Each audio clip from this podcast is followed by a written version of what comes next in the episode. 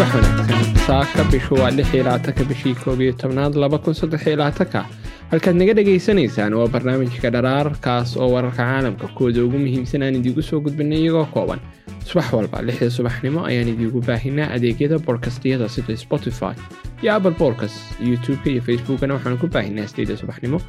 Waxaa idiin soo jeedinaya saaka anigoo ismaaciil cali asad ah. Soo dhowaada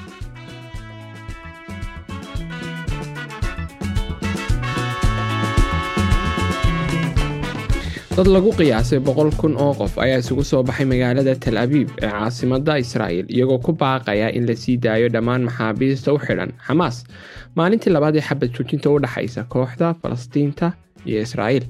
Sabtidii ehelada iyo asxaabta maxaabiista iyo taageerayaal badan ayaa isugu soo baxay iyagoo argagaxsan waxayna israa'iiliyiintu u yaqaanaan ama meesha israa'iiliyiintu u yaqaanaan barxadda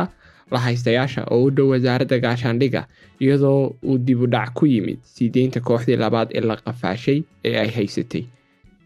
xamaas xaqiiqdu waa tiradii ugu badneyd ee aan aragnay tan iyo markii dagaalku bilowday saara khayraat ayaa aljaziira ka tirsan ayaa ka soo warantay tal abiib mid ka mid ah arrimaha ugu muhiimsan waa sii deynta jimcaha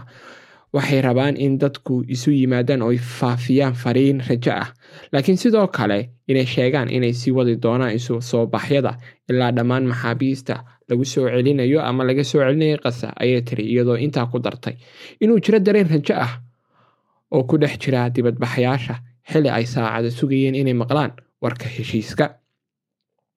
xamaas ayaa dib u dhigtay sii deynta kooxdii labaad ee maxaabiista ah iyagoo ku eedeeyay israa'il inay jebisay xabad joojinta oo bilaamatay jibcihii lana filayo inay socoto afar maalmood. Afhayeen u hadlay wasaaradda arrimaha dibadda ee qatar ayaa intaas ku daray in caqabadaha laga gudbay dhexdhexaadin qatar iyo masar sameeyeen waxayna u badantahay in isdhaafsigu maxaabiista uu dhici doono habeennimadii sabtida ee xalay tore sagaaliyo soddon falastiiniyiin ah iyo saddex iyo toban israa'iiliyiin ah maxaabiistaasi sii dayn doono. Marka lagu daro toddoba maxbuus oo ajaanib ah dadku waxay dareemeen raaxo ama nafis badan iyagoo og in tan haddii la xaliyo ay arki doonaan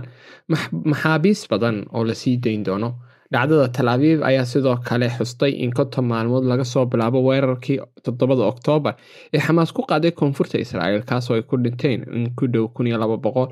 Inkastoo ay jiraan warbixino dhinaca kale sheegaya in tiradu aada uga yar tahay iyo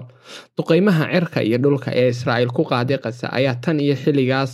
ku dilay in ka badan shan iyo toban kun oo qof oo falastiiniyiin ah oo ay ku jiraan in ka badan lix kun oo carruur ah. Jimcihii xamaas ayaa sii deysay afar iyo labaatan maxbuus oo israa'iiliyiin ah waxayna sii deysay israa'iil dhinaceeda kale sagaaliyo soddon haween iyo carruur oo falastiiniyiin oo ku xidhnaa jeelasha israa'iil qof kale oo ka mid ah dadyooga mudaharaadayaasha oo aljaziira waraysata ayaa u sheegay ilaa inta uu ka imanaya maxbuuskoodu in qalbiyadoodu ay jabnaan doonaan ama ay noqon doonaan dadyogo murugaysan taasoo inoo sheegaysa in intee leeg ay dadku murugaysan yihiin. Dadyooga iskugu soo baxay banaanbaxa ayaa badankoodu waxay xidhnaayeen garamaan ama funaanada ay ku qornaayeen gurigooda keen waxayna siteen sidoo kale boorar ay ku qoran yihiin magacyada iyo sawirada maxaabiista alan hadar oo ayadiis yaafa ay xamaas sii daysay jimcihii ayaa u sheegtay wargeyska israa'iil harites waxayna siinaysaa rajada ah inay dhammaan ay soo laaban doonaan. Laakiin waxaan ognahay inay tahay inaan u dagaalanno sii deynta dhammaan. Waxayna raacaysay sidoo kale ayaday waxay rabtay inay halkan timaado caawa laakiin ma ay noqon mid suurtagal ah. Waxay naga daawanaysaa muuqaalada telefishinada waxayna ku dareemaysaa bay tiri fan.